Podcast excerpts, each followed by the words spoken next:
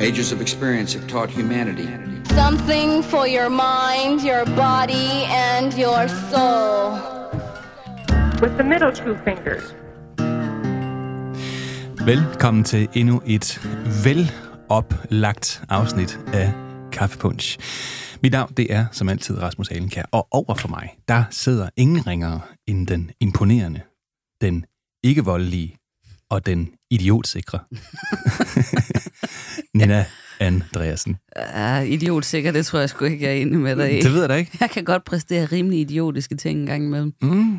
Jeg har lavet sådan et dogme, og det går på, at, øhm, at det, øh, det navn, vi giver afsnittet, Mm. begyndelsesbogstavet, skal også være første bogstav i de øh, ord, Superlativ. ja, superlativer, eller ord, eller, eller, eller hvad jeg nu øh, finder på, som skal kendetegne dig. Så i dag så var der så imponerende, ikke voldelig og øh, idiotsikker.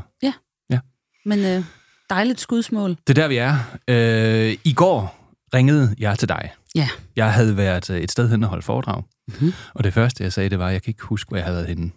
Det er rigtigt. Ja. Ja. Og vi, vi, du fik sådan efter lidt tid zoomet dig ind på, at det måtte være Vesthimmerland området. Ja, og det var altså ikke så meget, fordi at jeg ikke vidste, hvad jeg havde lavet. Og jeg ved også godt, hvem jeg havde været sammen med. Men det er nogle gange, så planlægger man de der arrangementer i, i sådan et eller andet øh, øh, medborgerhus eller et øh, kursuscenter, som ligger et eller andet sted, man ikke sådan normalt kommer. Og i går, der vidste jeg simpelthen ikke, hvor jeg havde været henne.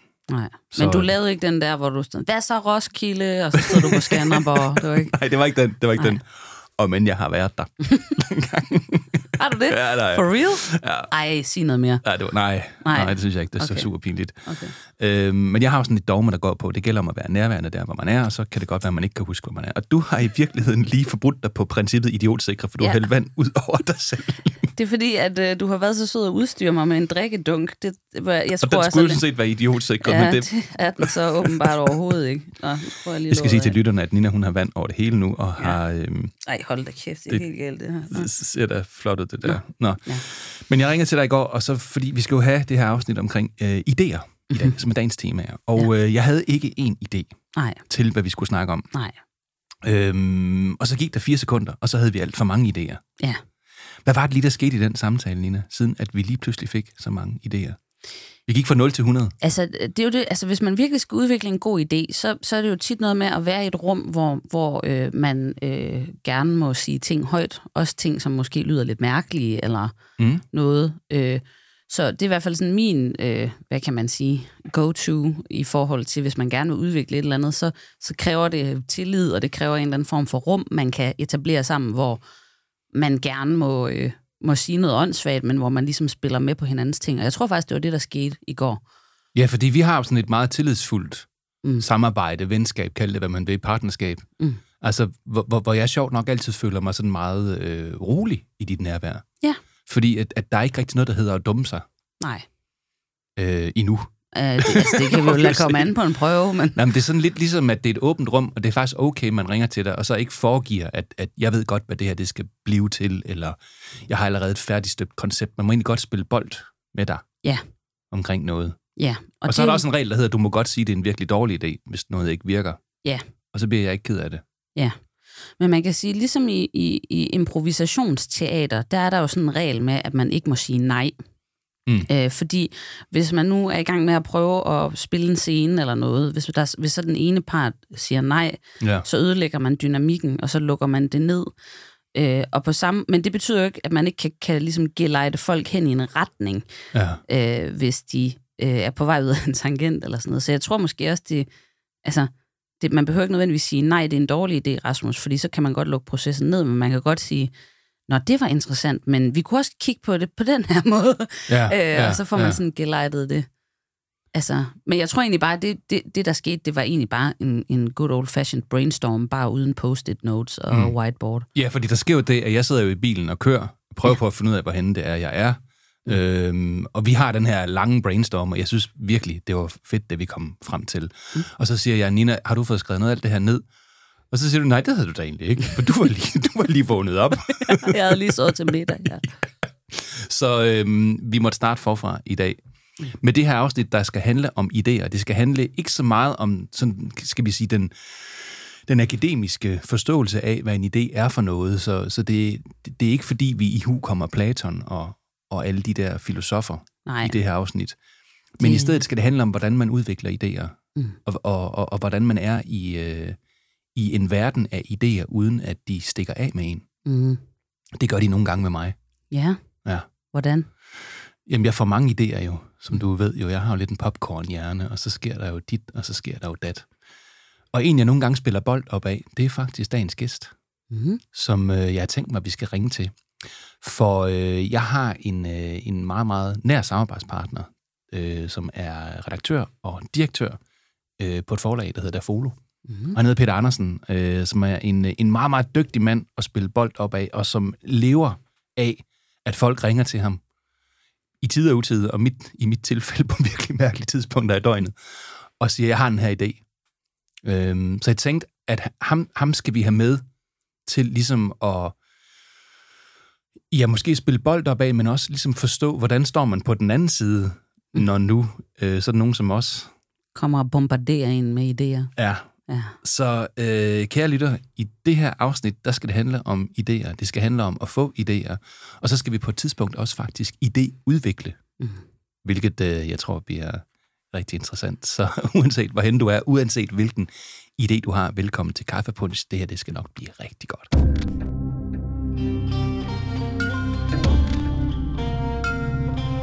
Cigarette hangover. That tight, dry, uncomfortable feeling in your throat. So far, all we hear is a lot of old bitterness. He tried robotic cats and dogs, but people didn't find those convincing. Jeg undrer mig lidt over, hvad det var, jeg tænkte, dengang jeg fik ideen til lige præcis den skiller her. Men det kan vi jo måske spørge Peter Andersen om. Peter, er du med på en, øh, en linje? Ja, det er det er. Nina, kender du Peter? Nej, Ikke jeg, rigtigt? jeg har ikke haft fornøjelsen før, men hej Peter. Hej, hej. Peter, du, er, du hedder Peter Andersen og er direktør på det forlag, der hedder Dafolo, som, øh, som jeg er på. Øh, Du er, du er forfatter herudover også. Øh, Blandt andet til den bog, der ligger her, Nina, du skal lige se her. Det er en bog, der hedder Psykologisk tryghed og kollektiv mestring. Vejen til en kollaborativ kultur Mm-hmm. af Peter Andersen. Det er din nyeste bog, Peter. Ja, det er det. det, er det. Hvad er det, du har skrevet om i den her bog? Øh, jamen, det jeg skrev om der, det er egentlig, hvordan, du, hvordan man sådan øh, konkret får samarbejdskultur til at, til at lykkes.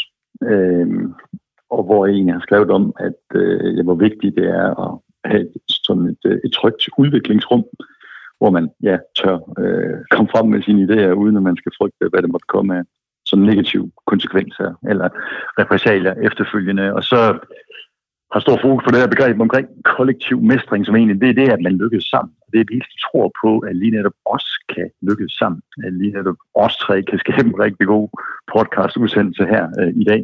Øh, det er selvfølgelig noget at gøre med, at man skal have nogle færdigheder, men også, at vi har den der tro på, at jamen, vi kan gøre det sammen. Øhm, og det synes jeg, der ligger rigtig enormt meget energi i. Hvad, hvad har afsættet været? Hvorfor begyndte du at interessere dig for netop det her med, øhm, med, med, med ja, en kollaborativ øh, øh, kultur? Jamen, det kom så egentlig af, at øh, øh der får ud over at forlaget var også en, en konsulentvirksomhed, og der var vi ude i nogle projekter, hvor vi skulle arbejde med sådan at, at skabe nogle bedre samarbejdskulturer, man kaldte det sådan for professionelle læringsfællesskaber. Øh, og vi kom egentlig rimelig langt øh, med, med de her ting, men øh, det var som om, at det ikke øh, altid øh, kom helt ud i, i klasseværelset. Øh, og man, rigtig, man turde ikke rigtig sådan vise sin praksis til hinanden. Øh, og der var vi nogle stykker undervejs, som jo, øh, jeg var jo selv en stor del af de her øh, projekter, der var som medansvar. Der var nogle stykker undervejs, sådan, der, der spurgte hinanden om, hvad er det egentlig, øh, der måske mangler, og hvad kan næste step være i forhold til det her. Og det vi egentlig sådan fandt ud af, det var jo, at der hvor vi, øh, øh, hvad hedder det, der hvor de bedste idéer er, og hvor det mest udvikling er, øh, det er faktisk også der, hvor vi er mest sårbare. Øh, der er jo enormt meget øh, sårbarhed i at vise sin praksis, for eksempel, eller komme med en idé, man ikke har tænkt øh, til ende endnu. Og der er det vigtigt, at man, øh, man ved, at man er i et miljø, hvor det faktisk bliver taget godt imod, at man bare skyder ideen øh, afsted, eller man faktisk tør vise, hvordan man underviser. Øh, så det er egentlig, så det handler egentlig om at, at skabe de her øh, trygge rammer omkring øh, øh, ja, det, som egentlig kan være meget sårbart. Der kan ligge enormt stor udviklingspotentiale i det her der er sårbart. Det er meget, meget interessant, fordi øhm, altså, øh, det her med, øh, med kultur, det er jo tit noget, vi tager lidt for givet, at sådan, jamen selvfølgelig så skal man kunne føle sig tryg ved at dele en idé, for eksempel med sine kolleger eller sådan noget. Men altså, jeg har personligt også oplevet øh, altså arbejdspladser, hvor de var hammerne utrygt, øh, og dele en idé øh, af forskellige årsager. Det kunne være, at folk de synes, at man var idiot, hvis man kom med et eller andet, der ikke var tænkt færdigt. Ikke? Men det kunne også være, at hvis man kom med en idé, så var det sådan, det lyder skide godt, Nina, den løber du bare med helt alene. Nå ja, ja. Altså, den der med sådan, så havde man lige pludselig fået ansvar for et eller andet vanvittigt projekt, man, man måske ikke lige havde overvejet, at man egentlig gad. Mm, mm. ja. At, Ja, så man forstår man med, med dem selv, eller tænker du? Ja, lige præcis. Altså det der med sådan, du fik ideen, og nu hænger du på den, og vi har tænkt os at navle dig fast til den. Altså, Ja, ja det er det. ja. Og hvis noget af det, jeg selv er så, meget optaget øh, af i forhold til det her, det, og det har jeg jo sådan for min egen øh, hverdag, det er jo, at det er jo ikke nødvendigvis dem, øh, hvad hedder det, der siger noget mest og først, der får de bedste idéer, eller har de bedste løsninger. Og der, der, er sådan, der ser jeg selv, mig selv lidt både internt og eksternt som sådan en, sådan en talentspotter, altså hvor man kan sige, hvem, hvem, hvem har meget at byde på, øh, på, men som ikke måske kommer frem med det af sig selv, og hvordan kan jeg så få dem delagtigt gjort i, i samtalen. Øhm, og, øh, øh, og der har jeg fundet ud af, at der, der er der enormt meget potentiale rundt omkring. Øh, og der gælder det egentlig om at, at skabe sådan nogle trygge ja, deltagelsesbetingelser for dem. Øh, lave nogle små, konkrete fif øh, med dem, altså snakke med folk øh, inden. Er det ok, at jeg, jeg ved, at du har meget at byde på i forhold til det emne, vi nu skal have på øh, øh, mødet i dag. Er det, er det ok, at jeg spørger dig, selvom du ikke rækker fingeren i vejret? For jeg ved, at så nogle gange kunne godt lige kan man være usikker på, om, om det er noget. Altså sådan, at man hele tiden øh, øh, skaber de der sådan, deltagelsesmuligheder, også for dem, som måske er mere stille i det, eller måske har så knap så, så, så, så magtfuld en rolle, at det kan både være formelt og, øh, og uformelt. Så, så det der med, at, øh, at man egentlig iscenesætter øh, alle, øh, det synes jeg, der er et enormt stort øh, potentiale i. Og gør egentlig også, at vi, vi, vi kommer til at, at træffe endnu bedre løsninger og eller finder, finder endnu bedre løsninger, fordi vi har brug for, for alle stemmer i forhold til det. Det virker som om, at, øh, at, at det der med at, at være fødselshjælper for idéer, det er jo også noget, der i høj grad øh, kræver en sådan opsøgende indsats. Øh, da vi to møder hinanden første gang, Peter, det er jo sådan tilbage i nullerne på et tidspunkt. Øh, jeg kan huske, jeg, jeg er ved at jeg var ved at færdiggøre min Ph.D.-afhandling på det tidspunkt, og der er en eller anden årsag, så opsnapper du, at det jeg er i gang med. Jeg ved faktisk ikke, hvordan du opsnappede det, men, øh, men, men da jeg skulle, skulle forsvare min Ph.D.-afhandling, der, der stod jeg jo med en færdigtrykt bog, hvor der stod Dafolo på os, øh, som du var redaktør på. Så, så, så, så, så du, du, du er praktiserer, ved jeg, at være ret sådan foran din tid, eller forud for, for, for de idéer, der måske kunne, kunne være. Jeg er i hvert fald meget hele tiden øh, meget undersøgende på... øh, Ja, undersøgende er nok en bedre måde. Ja, un, ja undersøgende. Ja, hvor, på, øh, altså hvis der dukker nye ord og begreber op, både i, i Danmark og, og, og i udlandet. Og så er jeg meget øh, optaget af at gå i dialog med sådan nogen som dig om dem. Altså, hvor øh, jeg er så meget ops på, at, øh, at jeg kan ikke, øh, jeg kan ikke sådan, øh, man kan ikke lave revolutioner alene. Altså, øh, øh, og det er vigtigt også at få, få tingene til, til, så de passer lige netop i den kontekst. Og så, så gør jeg meget ud over af at tillægge øh, folk og deres projekter betydning. Okay. Jeg, kunne, jeg kunne godt huske den der, den der, bety, den der øh, hvad hedder det, øh, dengang, at øh, vi begyndte at arbejde sammen omkring et, øh, din PhD, eller vi lavede en bog på baggrund af din PhD. Ja, Og der var det meget vigtigt for mig, at jeg var med til det forsvar øh, i Odense, og selvom det var en fredag eftermiddag, og, og det der var sent. Og snestorm, kan du huske det? Øh, og der var snestorm. Der var snestorm, og, og vi havde bestilt Altså- det store auditorium, for vi vidste, der ville komme mange mennesker. Der kom 50, fordi at der, folk de sad fast i Danmark og sådan noget der. Så. Ja. Men du var kommet helt fra Øhm, Nordjylland den det dag, kan jeg huske. Ja. Ja, ja, det er det. Og det er sådan en kombination af et, at jeg er altid lige så optaget af kerneydelsen, eller det fælles stræde, som andre er. Øh, øh, hvad hedder det? Og så det at tillægge folk betydning. Altså når du nu, nu har brugt så meget tid øh, af dit liv på at lave en sådan PhD om et, et hammerne spændende emne, jamen øh, så skal jeg jo bare være der. Øh, og, øh, og det synes jeg lægger en enorm god energi i.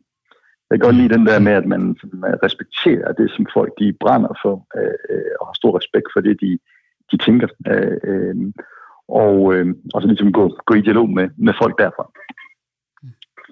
Men der må jo også, altså, nu, nu kan vi jo lige tage mig selv som case igen. Nu er det ikke, fordi det skal handle om mig, men nu, nu, nu gør det lige lidt alligevel. mm. øhm, altså, jeg er jo, øh, som øh, lytterne måske nok kan fornemme, og som dem, der står mig nær, øh, meget godt ved, nemlig en, der, der får mange gode idéer. Nogle gange øh, tre idéer i minuttet. Og der er heller ikke altid sådan vanvittigt langt fra, at øh, jeg ringer til dig, Peter. Og øh, det er jo sådan, du, du er jo på speed dial på min telefon, og øh, jeg må også godt skrive til dig øh, søndag aften kl. 22.30, at nu synes jeg lige, det er det. Øh, sådan helt ærligt, hvad tænker du, når der kommer en besked fra mig, eller når jeg ringer til dig ud af det blå med en eller anden idé? hvad tænker du så? Og du må godt være ærlig. Øh, ja, ja, jamen, sådan noget synes jeg er fedt, og, og jeg forsøger at prioritere det. Øh, øh, fordi at, øh, at der ligger enormt meget energi i det for mig selv også, og der ligger meget øh, udvikling. Og jeg tror, at den der, altså, øh, nu, jeg ved ikke, om det er noget, der kommer med alderen, men jeg blevet så mødetræt med alderen. jeg, jeg kan bedre lide, at der sker noget. Og der, det vil sige, at der, øh, hvad hedder det, der kan man jo godt, øh, der kan jo ske enormt meget ja, imellem de, de formelle øh, øh, møder. Og så, øh, så elsker jeg det der med, at, at folk de tænker videre, øh, og hvor jeg sådan, ja, man kan sige sådan, at mit mantra er nok sådan lidt det der med, at jeg altid øh, sådan, forsøger at tænke med. Jeg forsøger at forstå, hvad det er for en idé, folk kommer med. Øhm, og så tror jeg, jeg prøver sådan altid at tænke sammen med os. At tænke med og tænke sammen. At sige, Nå, hvordan det Rasmus han siger her, eller det han foreslår, hvordan passer det egentlig overens med noget, det måske har hørt nogen andre sige, eller et møde, jeg havde, eller en skole, jeg var, jeg var ude på. Øhm, og så måske finde, øh, om som siger, fællesmængden der, derimellem. Øh, og selvfølgelig også, hvad man sådan selv øh, øh, øh tror på. Så altid tænk med, øh, øh, altså respektere folks øh, idé, øh, og så tror jeg, så forsøger jeg at lave sådan en form for, det ved jeg ikke, man kalder det, faktatjek eller eller andet, sige, hvordan passer det her en overens med, med det, som jeg hørte min lærer sige her den anden dag. Øh, og, og hvor kunne, det, hvor kunne et øh, som pragmatisk næste step egentlig være? Øh, så jeg, egentlig, jeg forsøger altid at holde, holde energien. Der er enormt meget energi i idéer. Det er derfor, jeg synes, at et job, som jeg har, er så fedt, fordi der er rigtig meget udvikling i det. Og det er det fedeste, synes jeg, i, øh, i jobbet, så jeg elsker det. Fordi øh, jeg synes, jeg bliver klogere hver eneste dag øh, selv. Så der er enormt meget energi i at holde idéerne øh, øh, i spil, og det tror jeg, at man skal øh, er vigtigt. Og så har jeg også hele tiden øh, øh, jo nordlivet, så jeg har også altid, at det skal bruges til et eller andet. Så jeg prøver også altid at have sådan en pragmatisk tilgang. Nå, hvor fanden kan vi så starte sådan helt konkret? Så jeg prøver at spille med, og så tror jeg måske ud fra den dialog, vi nu har, og hvad jeg ellers har hørt, nogle gange så prøver jeg sådan at trække lidt fra og sige, hvor fanden kunne vi så starte hen? Det kan godt være, at det her det er vision. Hvor, hvor kunne vi så starte hen? Fordi jeg hele tiden er optaget af at holde processen i gang. Man taler også meget om, øh, vi øh, også om altså, de her mikrohandlinger. Altså hellere, at vi laver et mikroskridt i en rigtig retning hver eneste dag, end et stort skridt i en forkert retning, eller et stort skridt, der kan mislykkes. Der er meget optaget af hele tiden at holde energien i gang og holde processen i gang, og at vi hele tiden udvikler øh, øh, bare lidt på det, men altid, om man så må sige, i den retning, som vi nu tror på. Så, så der er sådan øhm, lidt tre ja. faser i det, som jeg lige hørte dig øh, sige det. Altså det ene, det er, øh, der kommer en eller anden idé, den næste fase er, hvordan kvalificerer vi så den her idé i forhold til, øh, har vi noget data, har vi noget fakta, har vi nogle øh, undersøgelser eller noget forskning eller et eller andet, vi kan hægte op på, og så den tredje, det er, hvordan eksekverer vi så på det. Men når, når Rasmus så ringer, altså, hvor, ved du så, om det er en god idé med det samme, eller, eller kræver det ligesom, eller det, det, nu skal det ikke handle om Rasmus på den måde, men det kan også være alle mulige andre, der ringer. Altså, hvad, hvad er en god idé, og hvor hurtigt kan du ligesom afkode det?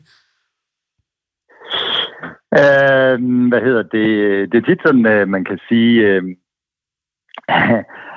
det er ikke alt, man lige med, fra starten af kan sige.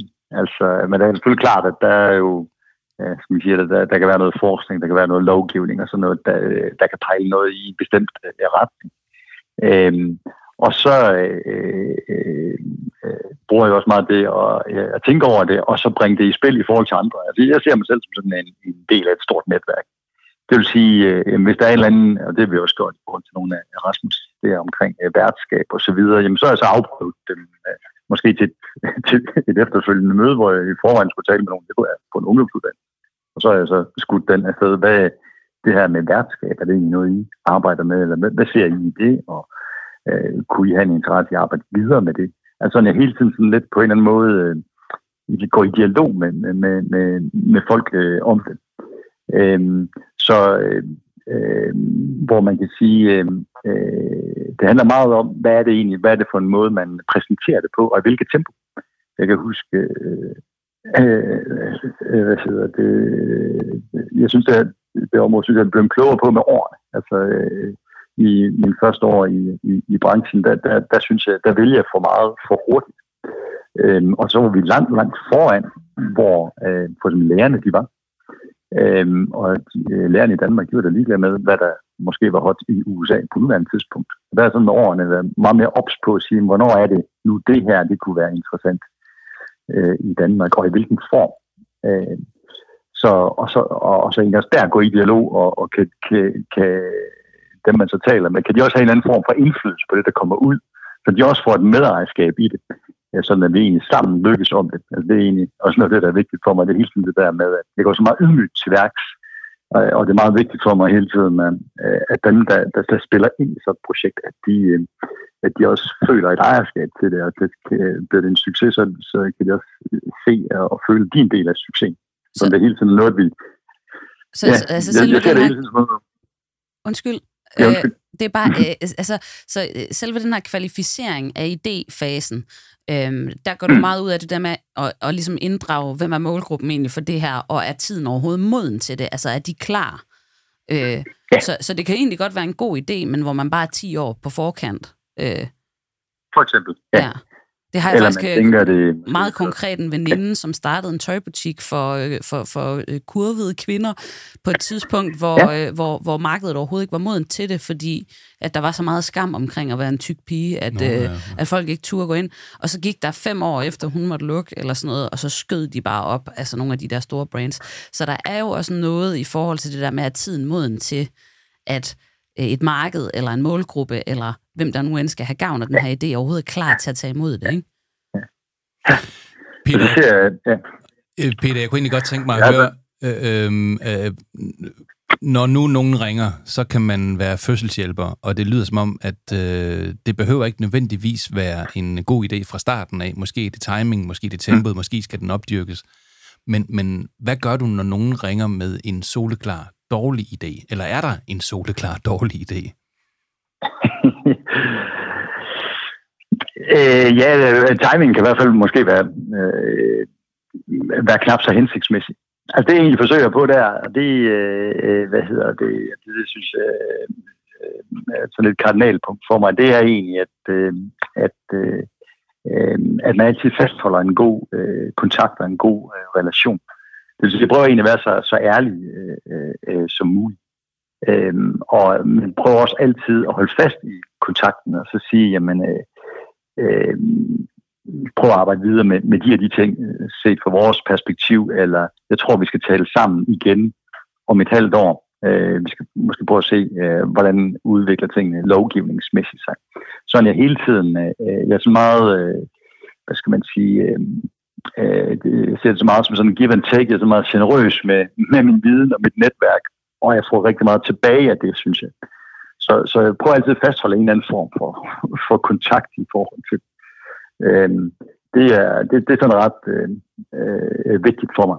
Øhm, så det, det, jeg hører ja. fra dig, Peter, det er jo sådan set, at, at øh, når nu vi skal til her lige om lidt og idéudvikle, som vi jo skal i det her afsnit, og tale om idéer, så, mm-hmm. så mhm. det, jeg hører dig sige, hvilket jeg har hørt er forbudt at sige i moderne lingo, det er åbenbart noget, man sådan nogle gange siger, det der med... Det, jeg hører dig sige. Ja, det er åbenbart forkert. Jeg synes, det er fremragende, fordi det er jo, det jo, det er jo sådan set det, det, jeg gør. Så ja. nu siger jeg bare, hvad jeg hører dig sige, Peter, uanset hvad andre synes om, hvad de hører mig sige, når jeg siger, at jeg hører noget, siger noget, et eller andet, jeg ved det ikke.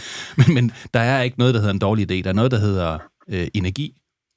Og så kan det være, at, øh, at det, der måske synes som en dårlig idé, det, det kan være øh, en anledning til at tænke nye tanker, som giver nye idéer, som måske kan være konstruktive.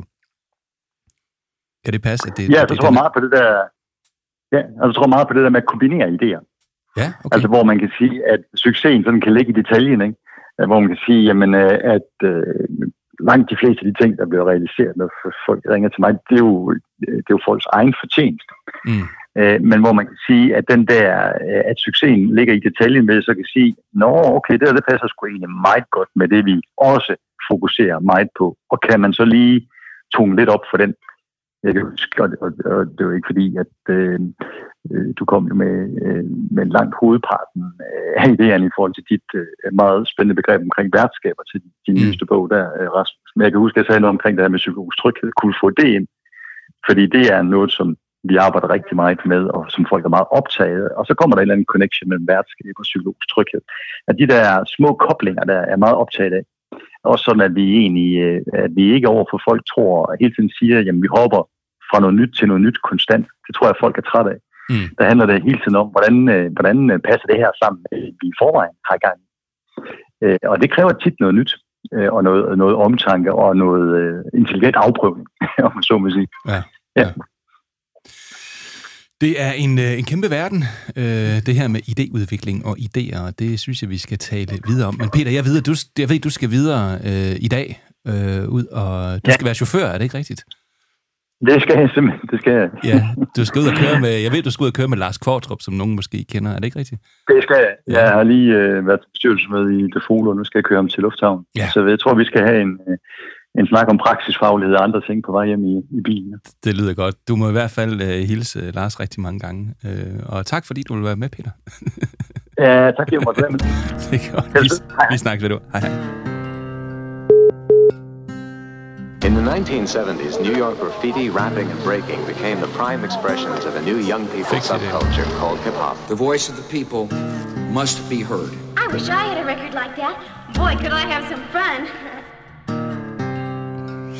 Ej, jeg glemte at slukke for mikrofonen, Nina. det er okay.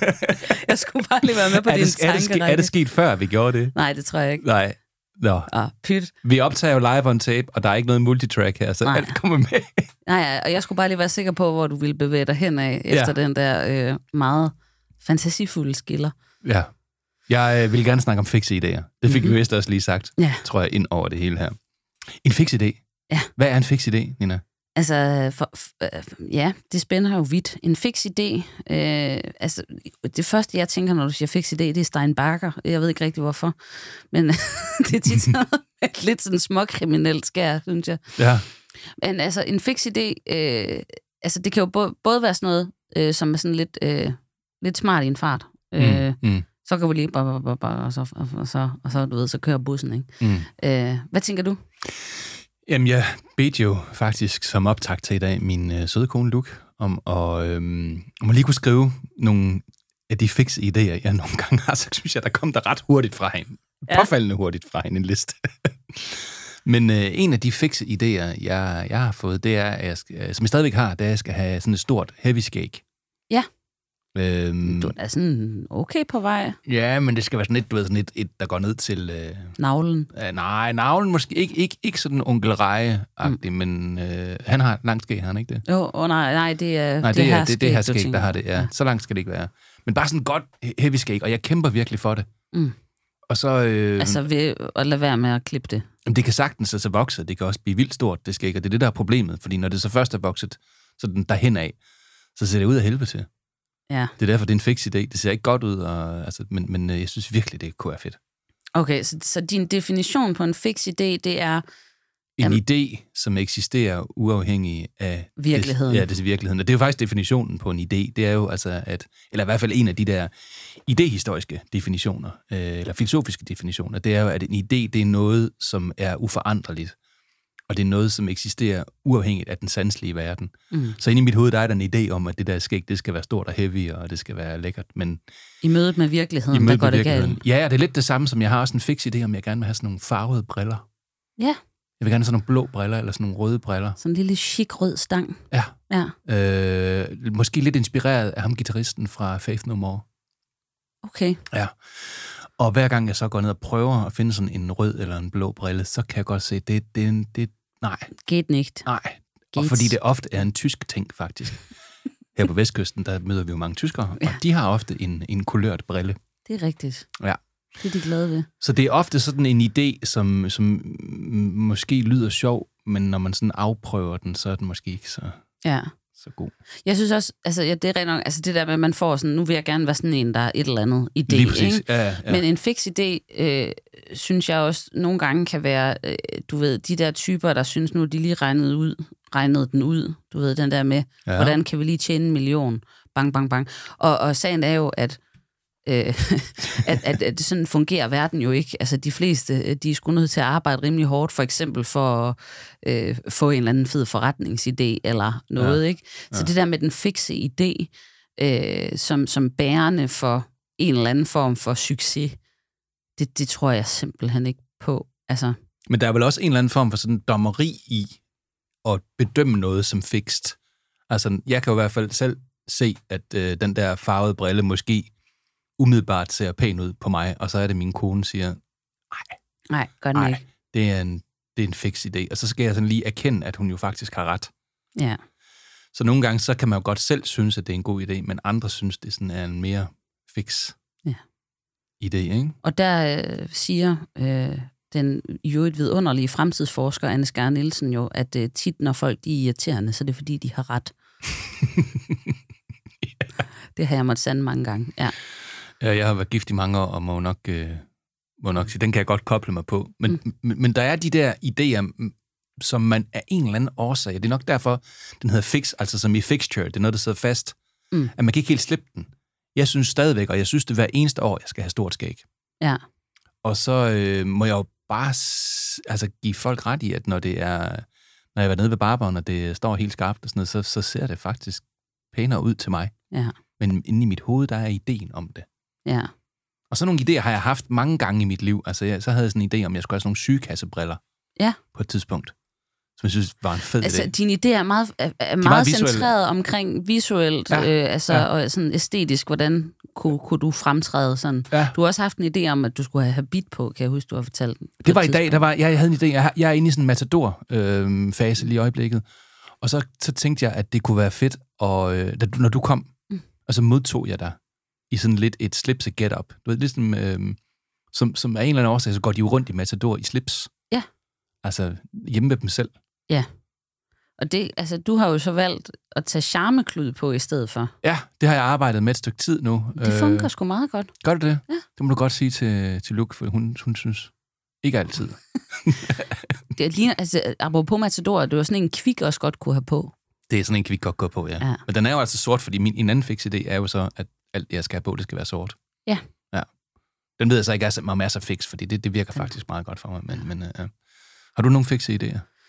Øh, øh, nej, det, jeg tror faktisk ikke. Ik, ikke. Ikke som sådan. Øhm, nej, nej, det, nej, øh, eller ikke, ikke sådan, der går på udseende umiddelbart, Nej. tror jeg. Nej. Desværre, jeg har næsten lyst til det nu. Men, eller jeg kan jo godt altså, øh, fikse i det. Jeg vil jo godt nogle gange få det der med, at øh, jeg synes, det var meget fint, det Peter taler om, det der med, med mikrosteps, det der med, Ja, at, man, ja. at man ligesom for eksempel i en, i en proces øh, fokuserer mere på, at vi skal træffe små, gode beslutninger hen ad vejen, og så håber vi på, at det smitter af på, på det samlede resultat og sådan noget. Men der kan jeg godt nogle gange blive ramt af det der med, at nu vil jeg gerne lave en revolution i mit liv. Ikke? Mm-hmm. Nu vil jeg gerne øh, begynde at træne, og jeg vil gerne øh, tabe mig øh, 20 kilo, og jeg vil gerne et eller andet halløj, ikke? Og så går man all in på det, og så brænder man ud på et tidspunkt. Det vil jeg også betegne som en fix idé. Det er i hvert fald ikke en, en, en, en langsigtet plan for, hvordan man reelt skulle nå i mål med noget. Men jeg lægger mærke til, når Peter han, han går til det, øh, på en øvrigt enormt sympatisk måde, synes jeg. Meget. Så siger han altså ligegyldigt hvad, så er der en energi, der kan et eller andet. Ja. Og måske kan den først noget, den der idé, om et halvt år, eller om, om 10 år. Men der er et eller andet i det, som kan dyrkes. Problemet er, at man har jo ikke altid en Peter. Nej. Altså, man kan ringe til, som, som er, er, er, enormt veluddannet og erfaren. Øh, og måske i virkeligheden erfaringen er den ting, der, der hjælper. Som han også siger, at han ville mange ting, da han startede i branchen. Og så hen ad vejen, så fandt han ud af, at det, det var jo nok ikke altså lige det helt rigtige, vel? Nej, og så er der også noget med det der med at kvalificere ja. ideen. Fordi, Ja, det er det, jeg mener. øhm, Ja. Fordi øh, jeg oplever i hvert fald jævnligt, at Øhm, og det kan være alle mulige. Jeg har jo mit lille, mit lille konsulent øh, slash markedsføringsbyrå, hvad vi skal kalde det. Mm. Jeg er freelancer, ikke? Øh, og, og der sker det jo også nogle gange, at, at kunder ringer og, og har en god idé, øh, synes de selv. Øhm, og, og, og det er jo ikke fordi, at det nødvendigvis er en dårlig idé, men for at det skal blive en rigtig god idé, så kræver det, at man kvalificerer den. At man finder ud af, okay, hvad, hvad, hvad skal den her idé i verden? Hvem skal det være til for? Hvis det er nogen forretningsmæssigt øh, i forretningsmæssigt øje med, mm. øh, så handler det jo typisk om, at findes der nogen derude, der har et problem, vi kan løse på en eller anden måde, hvor de så betaler os for at gøre det. Ikke? Ja, ja. Øh, og, og, og, og tit så, så tror jeg, at, at, at hvis man ligesom kommer til at skippe den der del med at finde ud af, men det kan godt være, at vi synes, det her det er et problem, for eksempel for en målgruppe, men de ved ikke selv endnu, at det er et problem. Altså, Nej. så hvis, hvis du for 20 år siden var begyndt at skrive om, om psykologisk tryghed i skolen, jamen det kunne jo være super fint, og det kunne sikkert være en udmærket bog, ikke? Men hvis målgruppen slet ikke er der, hvor deres erkendelse er, at det her det er, det er et reelt problem, Ja. mm, så får du aldrig den idé ud at leve på en måde, hvor du rent faktisk kan få en impact i den virkelige verden. Så, så der er noget med den der kvalificering af gode idéer, ikke? Og nogle gange, så, så, så må man jo sige, jeg tror, der er også noget, der hedder dårlige idéer. Ja. Selvom at Peter, han synes, jeg var meget sympatisk omkring det, så, så er der også noget, der bare ikke rigtig svinger. Øhm, så kan det selvfølgelig være, at der, der er et potentiale i noget, men, men jeg lægger mærke til, at, at, at nogle af de ting, der ikke virker for mig, altså de der idéer, jeg har, øh, så er det i virkeligheden fordi, at jeg prøver på at kompensere for noget andet. Altså, Okay. det, og det kunne godt være, nu har vi jo lavet et afsnit om, øh, om nørderi, Mm-hmm. og kære lytter, jeg synes jo ikke, du skulle gå ind og lytte til vores bagkatalog. Hvis du nu lige er dumpet ind, og det her det er dit første afsnit, så har vi altså en masse andre afsnit, man kan gå ind og lytte til. Og vi snakkede blandt andet om nørderi. Øh, vi havde besøg af den fabelagtige Tatiana Goldberg. Øhm, og vi snakkede om mit gear nørderi. Ikke? Og nogle gange, så må jeg sige, det der gear nørderi er også nogle gange en idé, man har om et eller andet. Altså for eksempel, så skal man have det der kamera, fordi jeg kunne godt tænke mig at gå ned ad gaden i øh, New York med øh, ikke sådan et øh, kamera med autofokus. Nej, nej, det skal være et Leica, du ved, som er manuelt.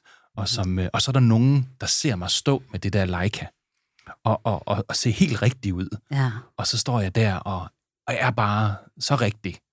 Og så kommer jeg sådan og tænker, hvad er ideen egentlig her? Mm. Er det bare i virkeligheden, fordi du trænger til lidt ferie? Eller er det fordi, Ja. du gerne vil se godt ud, for man kan ikke se på billedet, at du står der og ser helt rigtigt ud? Altså, det kan jeg ikke jeg med på billedet, når jeg selv tager det. Nej, altså, jeg, jeg tror helt sikkert, der også godt kan være noget, noget sådan kompensatorisk i det Det der er der for med mig i hvert fald. i, i at Ja. få idéer, eller et overspringshandlingselement. Ja. Jeg, jeg Check. oplever tit, at, at hvis der er et eller andet, jeg har svært ved at kn- knække en eller anden udfordring, eller problemstilling, eller noget, hvor, hvor man er nødt til at sætte sig ned, og så du ved, ved åndens kraft, ligesom ja. øh, bearbejde en eller anden problematik, for at man kan få styr på det, for eksempel inden for arbejde, ikke? Mm. at så kan jeg godt blive sådan, hvis, hvis jeg har tilpas meget afsmag på, hvordan får jeg lige løst det, det her problem, så kan jeg godt sådan, nah, men hvis jeg nu bare arbejder lidt med nogle idéer i stedet for, eller ej, det kunne også være sjovt at lave sådan, fordi så føler jeg, at jeg arbejder. Og det gør jeg jo på sæt og vis også, bare overhovedet ikke på det, jeg burde. Nej. Øh, og det, Nej. som rent faktisk lå lige for, og som er en sådan, problematik, man skal løse nu. Så, så, så det kan godt have sådan, tror jeg, en eller anden form for sådan øhm, selvbeskyttende element, altså i forhold til ens psyke, at bare sådan, jeg magter simpelthen ikke at skulle fokusere på det her problem nu, men så kan jeg føle, eller lade som om, at jeg laver noget, ja, der rent faktisk ja. giver en eller anden form for værdi, ikke?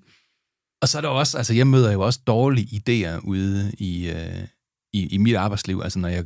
I Ja. folkeskolen? Folkeskolen for eksempel, Nå. jeg kører, jeg kører jo meget ud, og er jo sådan cirka halvdelen af min arbejdstid ude på, på forskellige institutioner og skoler og den slags, hvor jeg hjælper dem. Øhm, og der må jeg jo sige, nu har jeg for eksempel lige været på en ny, stor, flot skole. Øh, jeg skal ikke nævne, hvor det er henne det kan være ligegyldigt, men øh, meget, meget stor og flot. Øh, rigtig, rigtig dyr, og don't ask. Altså, den var virkelig dyr, og den er kommet til at koste dobbelt af det 60 millionbeløb, som den skulle have kostet. Mm-hmm. Så er vi oppe i mange penge. Og der kan man jo sige, at den øh, på papiret virker som en rigtig god idé. Der havde man for eksempel en idé om, at man i indskolingen skulle øh, understøtte sådan en meget øh, åben, øh, et, et, et åbent visuelt indtryk, så når man sådan kom ind på den skole, så var der ikke sådan, du ved, aflukkede små korridorer, man gik ned ad, men så kunne man sådan set se ind øh, i klasserne. Og, øh, du ved, Altså ingen væg, eller hvad? Nej, men så, skulle der, så, så lavede man så glasvæg i stedet for. Okay. Og det der, altså også hvis ikke man ved noget om børn, en rigtig god idé. Altså, jeg ved jo som udgangspunkt ingenting om børn, men jeg synes, det lyder som en ret ringe idé. Jamen altså, hvorfor synes du, det er en ringe idé? Fordi øh, børn har brug for en verden, der er overskuelig. Ja, og øh, så ved du så alligevel lidt. Øh, hvis man nu tager en, et indskolingsbarn, der har man ude, nu bliver det lidt øh, neuronørdet, sorry, men vi har ude i det, der hedder præfrontale cortex, øh, det, der hedder de executive funktioner. Så det vil sige sådan hjernens dirigent. Og det vil sige, øh, hvis du nu tager din hånd, Nina, mm. og lytterne må også godt gøre det, lægge på deres øh, pande, Mm. og så kan man øh, prøve, prøve at af dig selv. Så er man opad. Nina, hun sidder og ærer sig selv nu, det ser hyggeligt ud. Ja. Øh, og, og, og det, vi er nødt til at af opad, for der skal være plads inden. Du behøver ikke gøre det mere. Hvis Nå, du okay. synes, det er rart. så Lytterne må også godt stoppe nu. Men hvis man ærer sig selv, så ærer man opad, ikke? Og hvis man nu ærer, øh, hvis du ærer Gerda, Ja, så er jeg nedad, det er rigtigt. Ja, og det er simpelthen fordi dyr har ikke det der frontal, øh, den frontallap derude, så vi skal have plads i vores kranie til hele den hjernedel. Mhm. Og det er derude, at de højere mentale funktioner sidder, eller de såkaldte eksekutive funktioner. Det er sådan noget som arbejdsudkommelse, overbliksdannelse, impulshæmning, øh, fastholdelse af opmærksomhed, skifte af opmærksomhed. Alle sådan nogle ting, der gør, vi to vi kan have en samtale lige nu. Du kan huske, hvad Uden det at er, jeg går amok, eller du ja, øh, sådan noget der, ikke? Danser rundt. Ja. Ja. og hvis du nu lige får lyst til, til, til, til Te Birkes. Te Birkes, ikke? Og så går du ikke om til bageren nu, for du holder øh, lige Mm. fokus her, ikke? Og det er den del af hjernen, der sidst bliver udviklet. Faktisk helt op i 25 års alderen kan man se, at, at den bliver udviklet. Og nogen, helt færdigt. det kniber. Nogle fejludvikler jo, og Ja. nogle bliver slet ikke øh, altså udviklet, fordi de ikke bliver, øh, jo, de bliver udviklet i et omfang, men, men nogle bliver ikke stimuleret til udvikling. Mm. Men, men de små børn, der møder i skolen, der skal man være med på, at der er de jo slet ikke færdigudviklet ude. Øh, sådan i, I 6 års alderen, der er man sådan op på en, jeg kan ikke huske, om det er en 80-90 procent af hjernen, måske lidt mere, som er færdigudviklet, men det er stadigvæk det sidste stykke, man mangler derude, det er det præfrontale cortex. Behovsudskydelse. Øh, Alt sådan noget der, ja. ikke? Ja. Og der skal du være med på, inden for normal udvikling, der er der op til to års varians.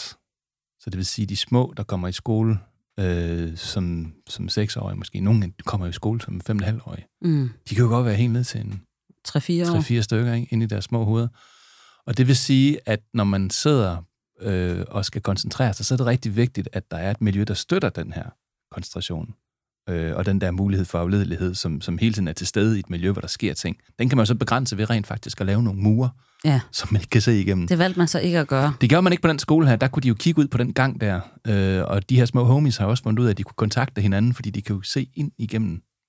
Altså, oh, Gud. ja, så de blev rundt og kontakter hinanden. Og det lyder som en fix idé. Det er en fix idé. Nu skal vi have det her åben plan skole, men hvis man ved lidt om børn mm. og, og, og udviklingspsykologi og neurologi, så vil man bare sidde og tænke, nej, det der, det skulle I have gjort med nogle gammeldags kedelige mursten. Ja.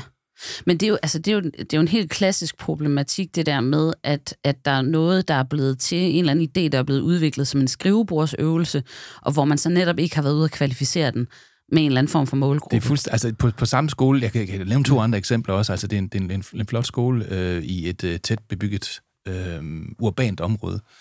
Og det vil sige, at der er ikke så mange udenomsområder. Så det vil sige, hvis børnene skal ud og have noget luft, så skal man jo ligesom bygge på skolens, øh, i skolens bygning en mulighed derfor. Øh, der er ikke en, en græsmark, man kan løbe ud på. Så man har bygget nogle plateauer med nogle flotte blomsterkummer, man kunne sidde på, for de virker sådan arkitektonisk rigtige. Øhm, der er bare ikke noget sted, man kan spille fodbold, eller basketball, eller hockey, eller sådan noget der. Så det vil sige, at den det er bygning, et decideret børnefjendtligt miljø. den animerer til, at man sidder og kigger på sin mobiltelefon. Ja. Og det vil sige, det er de børn, der skal ind og være produktive og holde opmærksomheden efterfølgende. De har været ude og egentlig går og ærger sig over, hvor skal de nu gå hen. Så det, de gør, det er, at de render rundt ind på skolens åbne landskab øh, og gider ikke gå ud i frikvartererne, hvilket man godt kan forstå. Så man har faktisk arkitektonisk skabt en mulighed for en hel masse konflikter. Okay. Man har også lavet nogle flotte garderobe, garderobearrangementer. Mm-hmm. Virkelig flotte. Noget flot dyrt træ øh, med den helt rigtige lyddæmpning osv. Øh, man har så ikke lavet en garderobe til hver klasse, hvilket vil, sige, at øh, hver klasse de har lagt deres jakker oven i hinanden. Øh, og hvis du har set sådan en tredje klasse øh, Gud. individuelt skal, eller skal, skal finde deres egen jakker, så er det sjovt nok, hvis der så er to tredje klasser, og en fjerde klasse og en femte klasse. Der har I det hele, samme garderobe. der er det hele blandet, ikke? Så øh, man har så heller ikke lige overvejet, at der måske ikke bare skulle være sådan nogle flotte trækasser, men rent faktisk måske nogle knager. Okay. Det havde man ikke øh, tænkt. Så, så, okay, så for bare lige at opsummere nu er du, sådan, du har en ret sarkastisk distance til det her. Jeg synes du alligevel. Øh, men, men altså, så det vil sige, at man har simpelthen valgt, at der skal ikke være en garderobe til hver klasse, øh, og der er ikke nogen knager, så det vil sige, det ligger og flyder på gulvet, Yes. de facto. yes. Og så ruder ungerne rundt mellem hinanden for at prøve at finde det, mens I- de måske slår sig lidt, eller hvad? Ja, så har de, de, de arme lærer pædagoger jo, de måtte jo kompensere for det, så de har været rundt med gaffatape, og så har de la- lagt gaffatape-ruller på gulvet og sagt, her må man sætte sine sko. Mm. Så den der flotte, flotte bygning er jo blevet til noget rod og til noget gaffatape og til noget Så, så det, det vil jeg sige er en dårlig idé, fordi man simpelthen ikke har inddraget dem, der skal bruge det, og den faglige viden, Mm. der er. Og det er jo ikke første gang, man har hørt om det fænomen, i, især i det offentlige Danmark. Altså, mm. der, der kan man sige, der er jo nogle benspænd inden for erhvervslivet der, hvor, hvor det er sådan lidt, hvis du, hvis du lavede det der stunt i en privat mm. virksomhed, mm. Øh, så vil det koste kunder, og det vil koste omsætning, og så vil man ret hurtigt være nødt til at rette op på skuden, mm. før øh, forretningsgrundlaget ligesom forsvandt. Hvor, hvor der synes jeg nogle gange, at, at øh, man kan slippe afsted med nogle ting inden for de offentlige områder, inden for velfærdsområderne, øh, som er skrivebordsøvelser, øh, Ja, ja. Hvor, hvor, hvor det bliver sådan helt horribelt. Jeg har helt Hvis konkret... jeg bare lige må slutte med at sige, Ja. øh, hvis I sige, jeg synes, de kæmper med det på den skole her, og de, øh, de gør det godt. Øh, Lærerne og pædagogerne er, er påfaldende overskudsagtige, og børnene altså, gør jo deres bedste for at navigere mm. i det, men det er i virkeligheden bare interessant, når man kommer udefra, og så ser man på det her, og man tænker, hvis I nu havde startet med ikke at sidde i jeres arkitektfirma og holde møder, men må gå ud på en helt almindelig skole, Mm. og så spurgt bare, bare en lærer eller en pædagog eller en skoleleder, hvad, hvad er det egentlig for noget, vi har behov for miljømæssigt for, at, at en skole skal fungere? Så tænker jeg, både det er blevet billigere og bedre, faktisk. Ja. Ja. Men desværre, så er det jo noget, man hører om med jævne mellemrum, det der i forskellige afskygninger. Jeg har en bekendt, som er øh, anestesisygeplejerske. Mm. Og øh, øh, så har der jo været sådan et, et regime i det offentlige over øh, de seneste mange år, hvor man skulle spare 2% om året. Og det betyder jo så, at hvert år så kom der en eller anden ud, en regnedreng, øh, Mm, mm, med et mm. Excel-ark, kom ud for ligesom at skulle vurdere på, okay, hvor kan vi spare nogle penge henne på det her sygehus. Og vedkommende havde så været med øh, inden og øh, kigge på operationsstuer og forskellige afdelinger og sådan nogle ting. Og heldigvis, da rapporten så kom, øh, hvor, hvor mm. den store åbenbaring med, hvor er det, vi skal spare henne, der, der sad de heldigvis samlet alle sammen, altså det vil sige både operation, øh, kirurger og, og anestesisygeplejersker og operationssygeplejersker og alt det her. Ja. De sad, og det var meget godt, fordi da de så nåede frem til det sted i den her rapport, hvor, øh, hvor det her øh, geni var nået frem til... Og nu siger du, at jeg har en sarkastisk Ja. distance. Han var nået frem til i den her rapport, at man kunne spare anestesisygeplejerskerne væk, fordi ja. de jo alligevel bare sad og kiggede. ja. Øh, og hvis man ikke ved, hvad en anestesisygeplejerske laver, så øh, holder de jo ligesom patienten i live. Bare lige en detalje. Stille og roligt, ikke? Ja, ja. Øh, og, og heldigvis så, så, så slog øh, hele bordet af kirurger og, og hvem der ellers var, øh, jo en latter op øh, og sagde, det kan du godt glemme, Mark. Du ved, vi arbejder i hvert fald ikke under de vilkår. Men, men det er jo også sådan et, et det er en fix idé, en dårlig idé, Ja, øh, ja. Hvor, hvor man ligesom har øh, ja, øh, gået ud og så kigget på noget, uden øh, egentlig lige at få gravet det der spadestik dybere, der gør, at man rent faktisk kan kvalificere ideen i en eller anden udstrækning. Ikke? ja. Måske skulle vi prøve at se, om vi kunne idéudvikle lidt. Hvad siger du til det? Vi kan i hvert fald prøve at kigge på nogle metoder, så må vi se, om øh, vi kan finde på Lad os prøve at noget. se, om, om vi kan komme i mål med et eller andet den vej der. Bring me Peter Pan. Great Sir Fan. No, not my beloved peasant village. I'll get you, my pretty. And your little dog, too. Well, aren't you the cutest tickle baby in the world? Rasmus, øh, som Peter også sagde, så er det jo meget vigtigt, at man ligesom skaber et psykologisk trygt rum, når man skal i gang med at idéudvikle og sådan Ja, nogle ting. ja, så ja, jeg ja. tænkte lige, inden vi sådan bliver enige om, hvad vi egentlig skulle prøve at udvikle på og sådan noget, Mm, mm. så, så vil jeg bare lige, jeg har sådan en tese nemlig, Okay. Ja. i forhold til det her med idéudvikling. Og at, fordi børn har sådan en meget umiddelbar tilgang til det der med at få en idé, eller at skabe noget, være kreativ, ikke? Ja, ja, fordi de endnu ikke har fået deres kritiske sans. ja. Øh, så derfor så, øhm, så den måde, jeg i hvert fald ofte har arbejdet i forhold til idéer, særligt i forhold til sangskrivning faktisk, Mm, mm, mm, mm, øh, når jeg, jeg skriver jo nogle sange og sådan noget en gang med dem, og spiller dem for folk, der gider høre på det. Øhm, og det er, at i første skridt af sådan en idéudviklingsfase, der skal man ligesom kanalisere sit indre barn. Aha. Og der må man netop ikke kvalificere ideen. Nej, okay. Så der skal man bare ligesom prøve at, at, at være i, at få nogle idéer, og være nysgerrig på det, og så sender man lige den kritiske voksne uden for døren, og så må man øh, kalde dem ind, når man har fået så tilpas mange idéer på bordet, at øh, nu skal vi altså lige have styr på, hvor skal de her, hvordan skal de her Lego-klodser ligesom øh, sætte sammen. Mm. Så, så, så det er egentlig bare en opfordring til, ligesom, hvis du kan, Ja. jeg ved godt, du er en voksen mand på 51, Ja, ja, ja. Men om du kan kanalisere sådan et indre barn. Det tror jeg godt, du kan. Jack. Ja, det tror jeg går lidt hurtigt.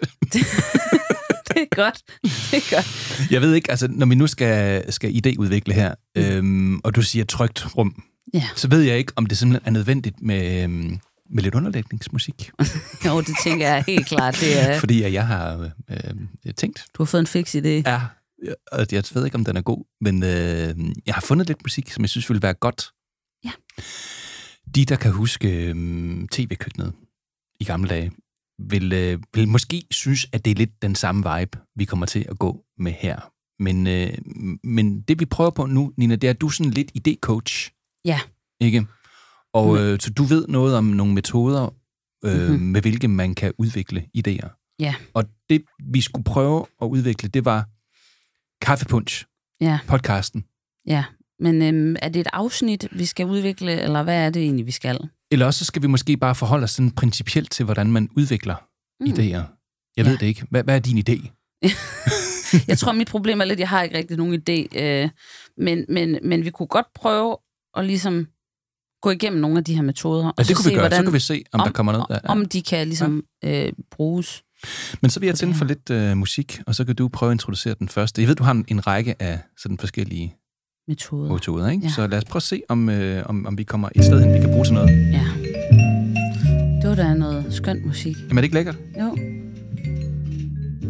Det er også sådan lidt listigt. Jamen det er Øh, sådan lidt, jeg tænkte, det var sådan lidt... Øh, ja. Ja. Nej, men øhm, altså en metode, man kan bruge til at få en idé på, det er at ligesom øh, vende bøtten. Altså gøre noget modsat af, hvad man plejer at gøre. Øh, så hvis man for eksempel normalt øh, øh, begynder med at skrive indledningen i en historie, Mm. så kan man begynde med at skrive konklusionen først, Okay. og så regne sig baglæns. Vil det du i Kaffepunch, altså vil vi kunne lave en konklusion, før at vi har lavet afsnittet? Altså, vi vil i hvert fald kunne vende, øh, vende noget om, fordi øh, jeg synes tit, at vi ligesom tager udgangspunkt i et emne, for eksempel noget, vi godt kunne tænke os at tale om, og så prøver vi bagefter at finde en gæst, som øh, ligesom kan øh, være med til at bidrage til det emne. Så vi kunne jo gøre det omvendt. Altså, Ja. prøve at finde gæsten først, og så regne baglæns, og så sige, hvad, hvilket emne kunne være interessant. Altså i hvert fald noget af det, som, som konceptuelt altså, kendetegner Kaffepunch, det er jo, at vi inviterer jo gæster, og så snakker vi dem, med dem om noget andet, end det, de er gode til. Ja. I et omfang, ikke? Ja, altså, selvfølgelig ved jeg, andet ved jeg, det, de er kendt for. Eller? Altså Jette Schandorf, hun er jo bassist, men vi snakkede med hende om forfængelighed eksempelvis, Mhm. mm-hmm. ikke? Så, så, så det er sådan lidt, vi vender den lidt på hovedet i dag. Altså, Mm. Peter Andersen er direktør for et forlag, men vi talte med ham om det med at få en idé, Ja, ikke? Så det hænger jo selvfølgelig sammen, men er lidt noget andet. Så det kan man vel godt. Ja, så, så, så man ville kunne starte med, kunne du have en eller anden drømmegæst? Øh, en eller anden, det må gerne være en eller anden totalt uopnåelig Bono eller et eller andet, du gerne vil have med i Kaffepunch. Om jeg vil have Bono med det? Altså, det, hvis du kom og sagde Bono, så vil jeg ikke sige nej. Jeg, jeg tror også, altså det, drømmegæsten er jo nok også sådan lidt kontekstuel, fordi øhm, der var nok nogen, jeg godt kunne tænke mig at have med, fordi jeg synes, de er spændende som mennesker. Men man skal også tænke, øh, hvad er det, de skal kunne, hvorfor en funktion har de? Det er vel klart det er fint for en podcast at have nogen med, der er sådan en lille bit smule kendte. Ja. Fordi så kan de jo i deres netværk sige, nu har de været med i podcasten Kaffepunch. Jamen, nu er du ude i markedsføring. Ja, det det, det er ja, det. Ja, Men det præger jo også det der med, med ideen, ikke? ja. Prøv at komme med en anden... Øh, Nej, nej, nej, nej, lad os lige, lad os lige Skal hænge vi blive i den? Ja, lad os lige, det er også lad os lige blive ved den, fordi, Ja, det er godt. Du er fødselshjælper nu. vi skal bare have en hvilken som helst gæst, øh, vi kunne tænke os at få med. Okay. Vi kan jo prøve, hvad, hvad fanden... Hvad har vi? Vi, vi? vi kan godt lide at få, have nogen med, i hvert fald en gang imellem, der har øh, ligesom rod i Esbjerg, hvor vi er. Det kunne være Poul Nyrup, for eksempel. Poul Nyrup, ham har jeg tænkt på også, ja. Ja, Ja. han er en god mand. Ja. Okay, så, så Ham har jeg mødt. ham har du mødt? Ja. Jamen, det har, jeg har sunget sammen med ham en gang, faktisk. Mm. Men mm. øh, den anekdote kan vi tage en Han er en meget sådan øh, statslig... Ja. Øh, altså, en stat, han er en statsmand. Ja. Og nogle gange så har jeg, jeg har faktisk sådan et princip, men når jeg skal ind og holde et øh, foredrag, eller gå ind til et møde, så nogle gange så stopper jeg lige op, øh, og så tænker jeg, hvorfor en kappe vil jeg tage på i dag? Ja, og så tænker du Poul Nyrup Det kappen. har jeg faktisk gjort en gang, ja. Ja. ja. Så tog Poul Nyrup på, fordi det er sådan en, du ved, rank. stolt. Jeg tog Poul Nyrup på. Ja. Fedt. Ja. Men, men øh, ja, nu er du på vej ud af tidsspor igen, Ja, min ven. yes. Fordi hvis vi nu så udgangspunkt i, at altså, metoden her, det er at vende bøtten, så i stedet for, at vi finder emnet først, så finder vi gæsten først her. Aha, ja. Og så skal vi finde ud af, hvad kunne så være interessant at tale med Poul Nyrup om, Ja. som ikke nødvendigvis er det, han er kendt for, eller det, han øh, primært beskæftiger sig med. Hvad kunne det så være? Men jeg tror, at Poul Nyrup, han, han, han kunne jo sådan set være øh, interessant at høre på næsten lige meget hvad. Ja. Og det er jo det gode ved ham.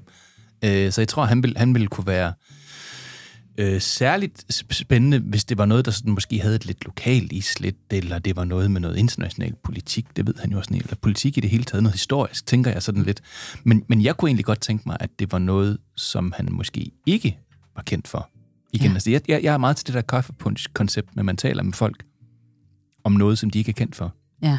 Det, det tror jeg vil give en eller anden form for energi. Ja, og han er jo, han er jo blandt andet også, øh, efter han gik af som, øh, som, som statsminister, efter han var, var nede i Europaparlamentet, har han jo haft meget med hele den her sag omkring psykisk sårbarhed og sådan noget. Han har jo også en, havde en datter, der desværre begik selvmord, Det er rigtigt, ja. som Ja. var syg.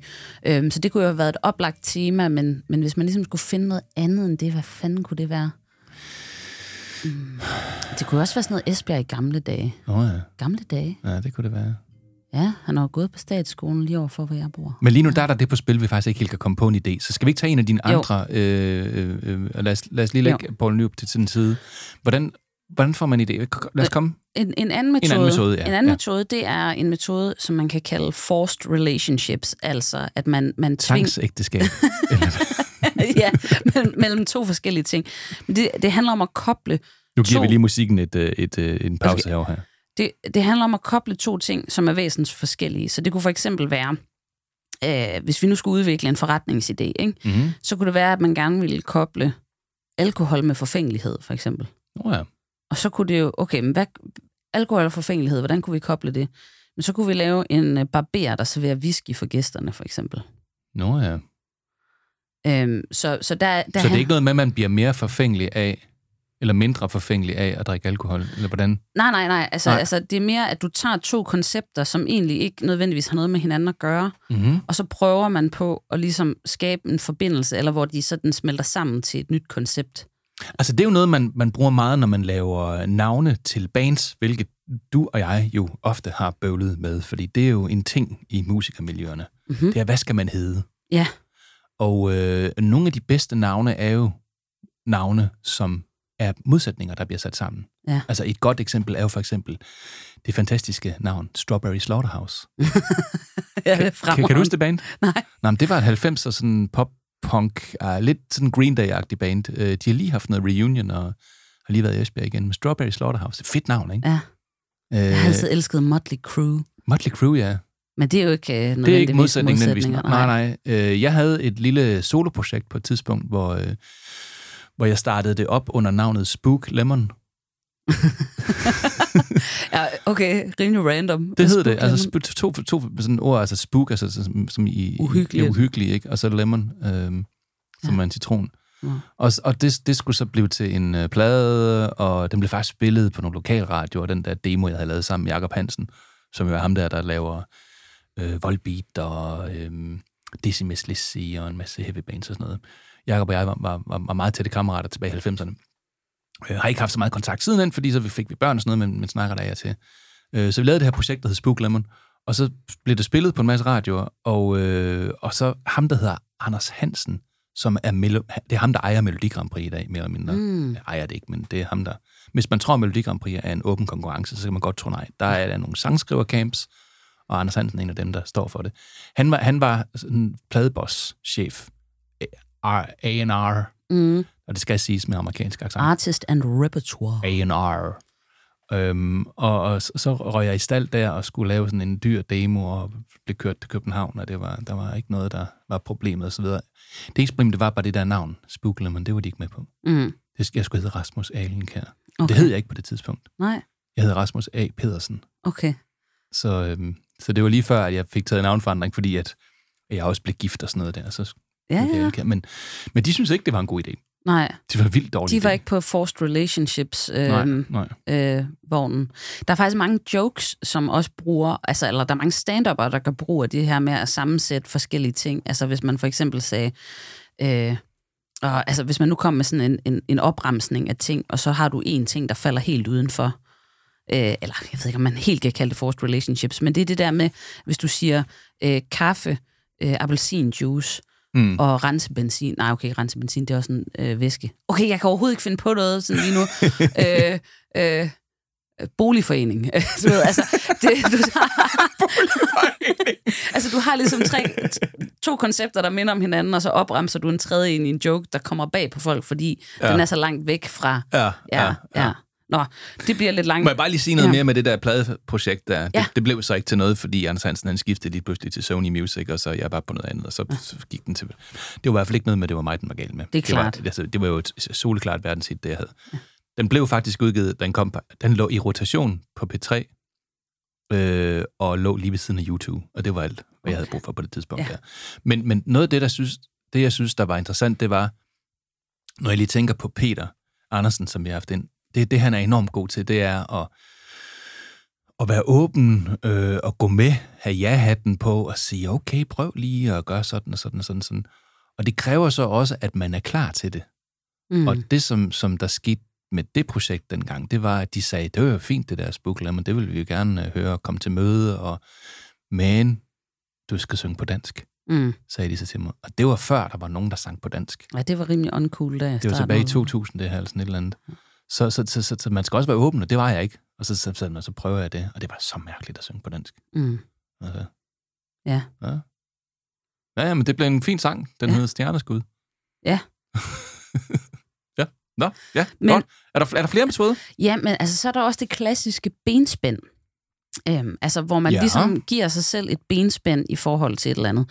Øhm, og altså, en helt konkret sådan anekdo, øh, anekdotisk, så øhm, øh, jeg blev på et tidspunkt hyret ind til sådan, øh, der var sådan et sommerhold på Kulturskolen i Esbjerg med nogle unge mennesker, der skulle øh, skrive en sang sammen. Øh, og det havde de aldrig prøvet før. De kunne godt spille lidt musik, men de havde aldrig prøvet at skrive sange før. Mm. Og så blev de ligesom delt op i to grupper.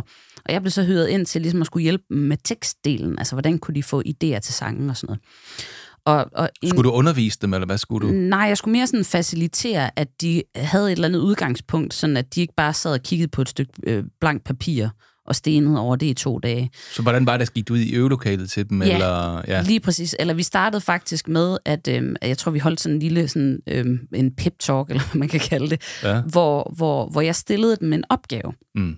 Jeg gav dem et benspænd. Mm. Øhm, og de fik to ord, øh, som de måtte vælge at skrive om. Og det var også sådan lidt et, et antropologisk studie, fordi øh, det, det er nemmere at idéudvikle ud fra super konkrete begreber end det er ud fra sådan meget abstrakte begreber. Mm. Øhm, og det var faktisk lidt noget, jeg testede af. Så det ene ord, de fik, det var rygsæk, og det andet ord, de fik, det var, jeg tror, det var kærlighed. Mm-hmm. Og begge af de her to grupper, de valgte at tage udgangspunkt i ordet rygsæk. Ja. Fordi øh, når du har et, et så konkret ord, så, øh, så kan man meget hurtigere i en brainstorm ligesom øh, okay, rygsæk, hvad kan der være i den? Altså, er det en fysisk rygsæk, eller er det en mental rygsæk? Mm. Øh, en rygsæk, er man så på vej ud, eller er man på vej hjem? Er man på vej hjem fra skole? Er man, ja. du ved, hvad har du i rygsækken? Hvad er situationen?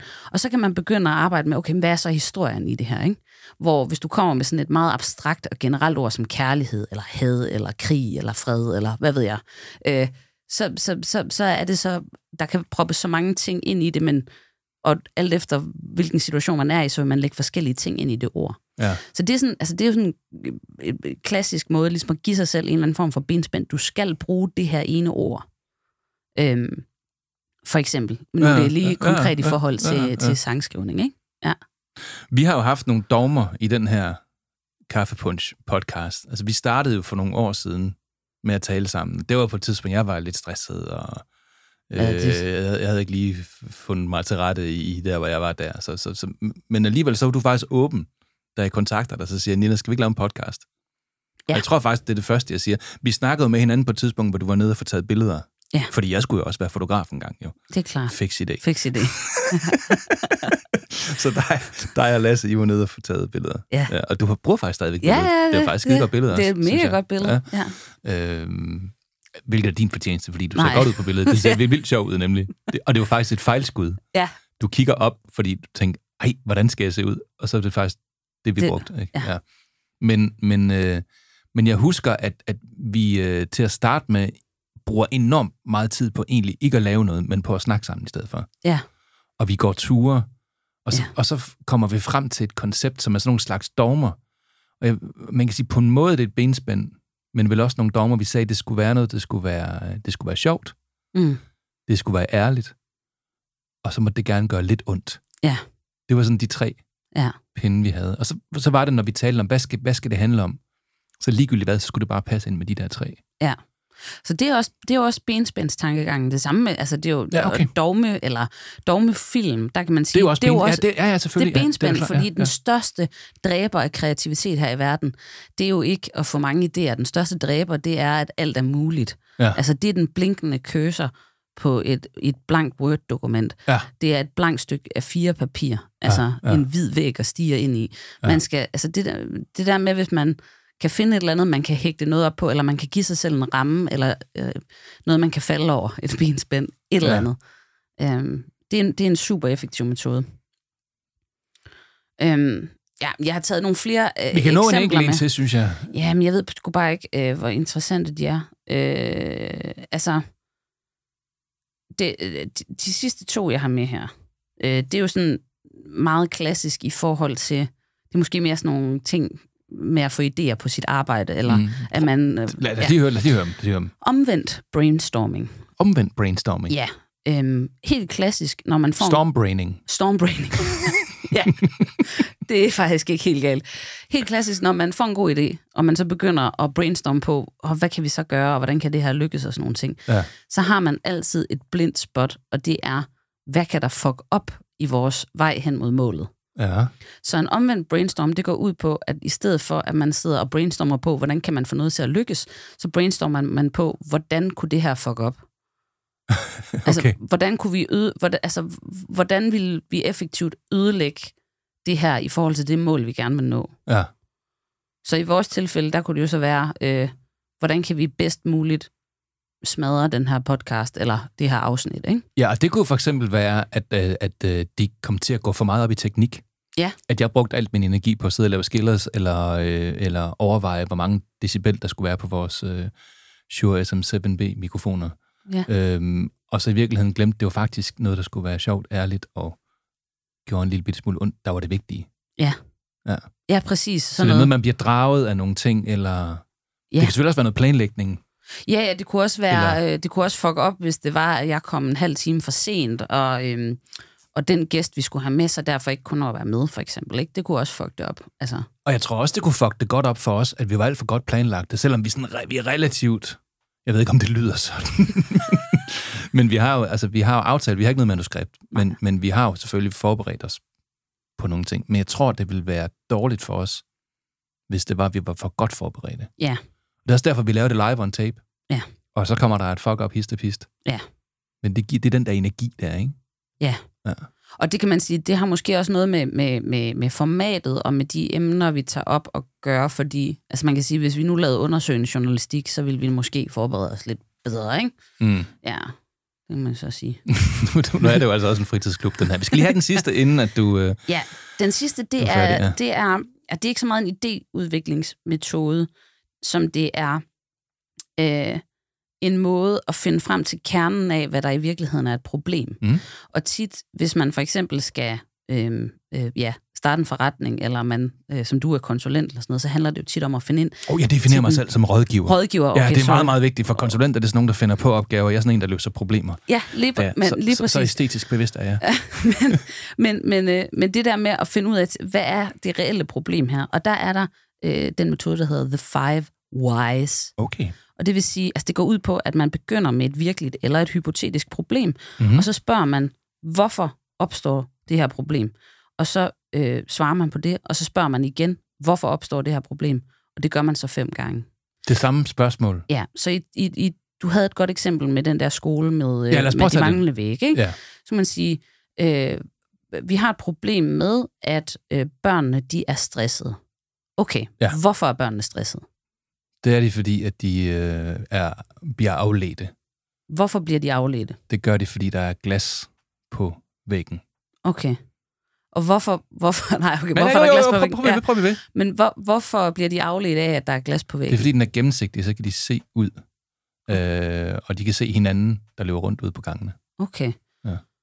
Og Hvorfor løber børnene rundt ud på gangene?